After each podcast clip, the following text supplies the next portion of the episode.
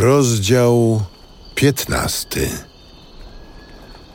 Wówczas głos zabrał Elifas i rzekł: Czy wiatrem jest wiedza mędrca? A wiatr wschodni pierś mu wypełnia? Czy nieużyteczną broni się mową, słowami, co są bez pożytku? Ty nawet niszczysz pobożność, usuwasz modlitwę do Boga. Twoja nieprawość poucza Twe usta. Używasz języka przebiegłych. Nie ja. Twoje usta Cię potępiają.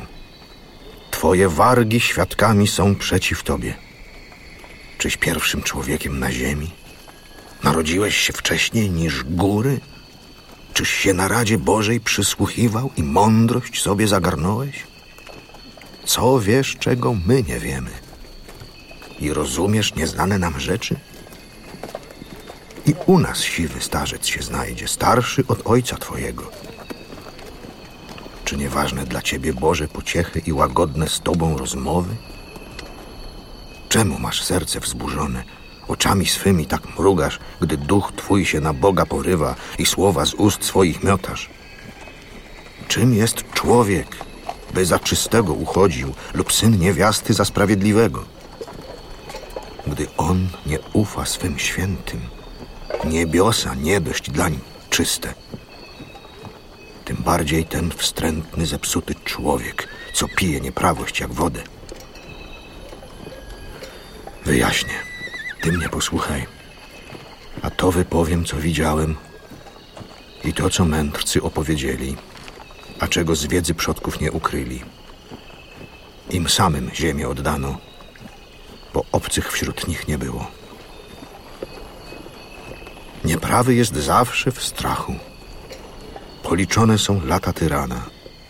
Głos wrogów brzmi w jego uszach, wśród szczęścia napada na niego niszczyciel – nie wierzy, iż ujdzie mrokom.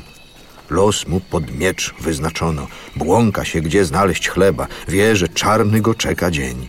Przerażają go ucisk i groza. Nacierają na niego jak król gotowy do boju.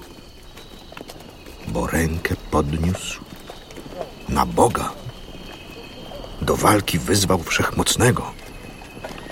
Biegł z wyciągniętą szyją pod grubych tarcz osłoną. Twarz swoją ukrył w tłuszczu a lędźwie mu utyły. Zamieszka w miastach zburzonych, w domach, gdzie ludzi już nie ma, w którym pisana ruina. Nie wzbogaci się, jego mienie nie przetrwa, ani się nie rozciągną po ziemi dobra takich ludzi. Nie zdoła uniknąć ciemności, słońce spali mu zieleń, z oddechem i mowę utraci.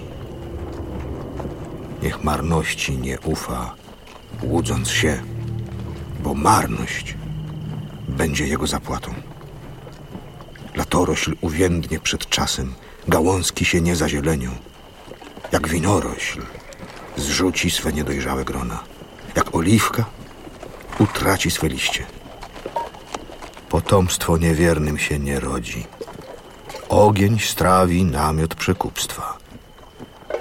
Kto krzywdę pocznie, ten zrodzi nieszczęście gdyż wnętrze gotuje mu zawód.